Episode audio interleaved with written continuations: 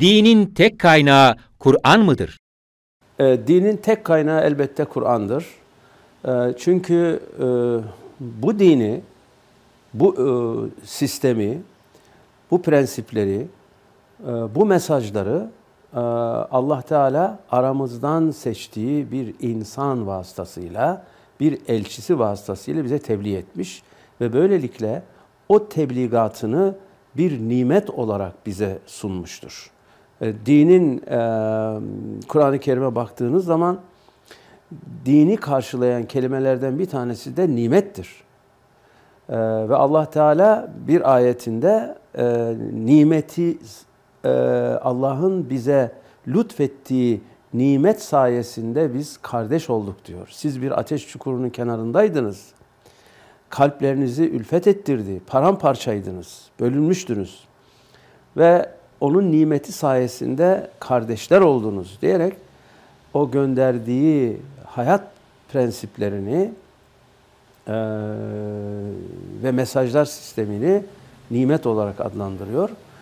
Ve ayrıca peygamberimize şunu söylüyor. Diyor ki ve vecedeke dallen feheda.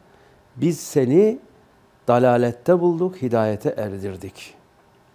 Yani şöyle söyleyebiliriz. Hazreti Peygamber de İslam'ı ve tevhidi kendisine sunulan Kur'an'la anlamıştır. Ve e, birçok ayette de peygamberin şöyle dediği, şöyle söyleyeceği ahirette Allah'a. Ya Rabbi ben bu ümmetimden şikayetçiyim. Çünkü bu ümmetim Kur'an'ı mehcur kıldı. Hicret etti, ondan koptu, ondan uzaklaştı. Başka başka kaynaklar aramaya başladı kendisine.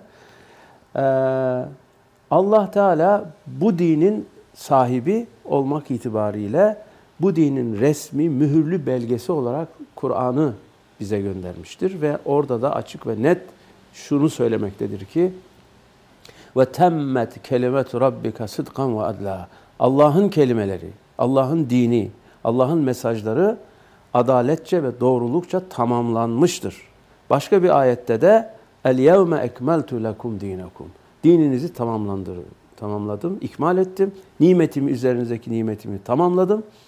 Bitti. Ondan sonra e, Kur'an'dan ayrı e, bir takım kaynaklar aramak, Kur'an'ın üzerine bir takım ilaveler yapmak veya Kur'an'dan bir şeyler çıkartmak yetkisi başta peygamber olmak üzere hiç kimseye tanınmamıştır ki zaten peygamberin böyle bir niyeti de yoktur, böyle bir uygulaması da asla ve asla yoktur. Hatta bütün müşrikler kendisine ya ey Muhammed bu kitap bizi rahatsız ediyor, bize başka bir kitap getir dediği halde peygamber asla onlara kendi hükmünden, kendi heva ve hevesinden bir şeyler onları da memnun edecek, onları rahatsız etmeyecek bir söylem, bir kitap, bir belge sunmamıştır.